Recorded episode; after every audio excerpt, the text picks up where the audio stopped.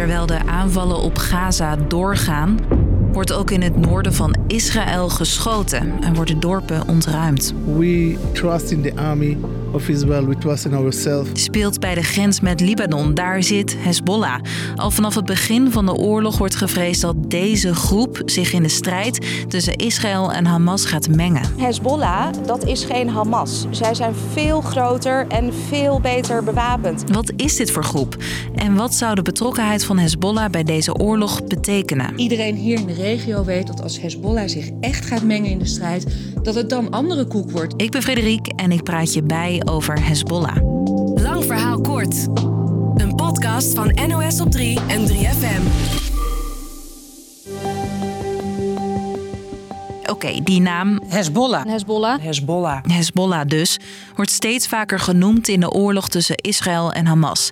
Letterlijk betekent het De partij van God, dat betekent Hezbollah. En eh, nou ja, ze zijn om te beginnen een religieuze partij, een Shiïtisch religieuze partij. Je hoort correspondent Daisy Moore. Zij zit in Libanon, het land waar de religieuze groep gevestigd is.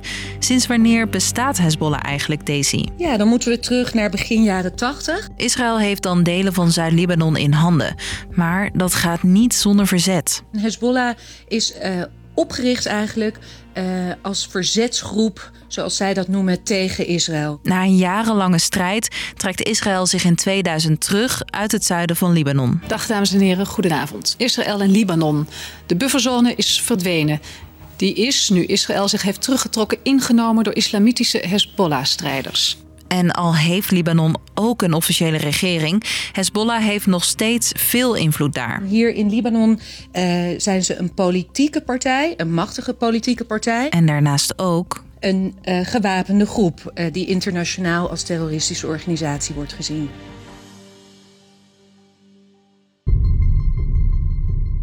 Vooral westerse landen zien Hezbollah als een terreurgroep. The Iranian backed terrorist group Hezbollah is responsible for thousands of civilian deaths, not just in the Middle East, but around the globe. Maar er zijn ook landen die Hezbollah juist steunen in de strijd tegen Israël.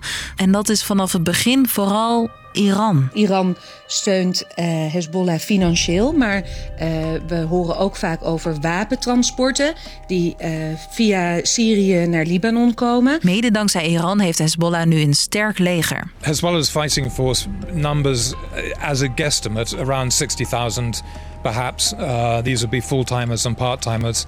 They have um, a huge array of rockets and missiles. Je hoort Hezbollah-expert Nicholas Blandford. Hezbollah heeft dus duizenden strijders bij de grens met Israël. En wat ze ook hebben, een hele voorraad raketten. Wel 120.000, denken experts. De laatste keer dat Israël en Hezbollah echt in oorlog waren, was in 2006. Waarbij een heel groot deel uh, van Libanon en vooral dan uh, de Hezbollah-wijken uh, verwoest zijn. Daarna kwam het tot een staakt het vuren, maar echt vrede werd het nooit. Sinds de oorlog uitbrak tussen Israël en Hamas is het in Libanon onrustig. Hezbollah steunt Hamas. Deze politicus spreekt zijn steun uit voor de Palestijnen, net als veel Libanezen trouwens. Tegelijkertijd zijn veel Libanezen ook bang dat zij bij de oorlog betrokken kunnen raken.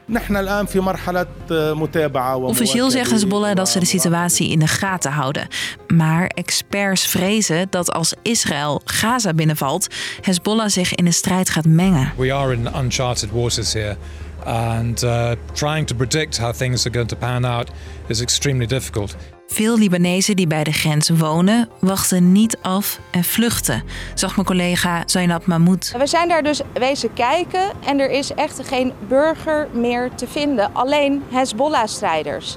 Die lopen daar rond, rijden daar rond, gewapend. Een grote aanval van Hezbollah op Israël bleef tot nu toe uit. Maar dat kan snel veranderen, denkt Daisy. Plannen liggen klaar aan beide kanten en kan het binnen de kortste keren uh, toch escaleren. En dus zijn de ogen wereldwijd gericht op Hezbollah. Anyone thinking of taking advantage of this situation, I have one word: don't. En de grens met Israël. Iedereen hier in de regio weet dat als Hezbollah zich echt gaat mengen in de strijd, dat het dan andere koek wordt. Dat het echt veel heftiger zal worden dan wat we zien uh, dat wat Hamas doet. Dus, lang verhaal kort. Hezbollah is de machtigste groep van Libanon en strijdt net als Hamas tegen Israël. Hezbollah wordt gesteund door Iran. Veel landen zijn bang dat Hezbollah zich nu in de strijd tussen Hamas en Israël zal mengen, waardoor de oorlog nog verder escaleert. Het was de podcast weer voor vandaag. Maandag na het weekend zijn we weer terug met een nieuwe. Doei! 3FM. Podcast. Ik hoorde suizingen door mijn oren gaan en ik uh, zag een hele felle witte lichtflits voorbij komen. Wat als je dingen ziet en hoort die er niet zijn? De aliens probeerden via het getik met mij te communiceren. Zou jij ook wel eens een kijkje willen nemen in het hoofd van iemand anders? In de 8D-podcast In het hoofd van nemen we je mee op reis. Je volgt mensen die last hebben van psychose, autisme of ADHD. En het klinkt alsof je het zelf beleeft. Dus zet je koptelefoon op en check de podcast In het hoofd van via de gratis NPO Luister app of 3fm.nl/podcast.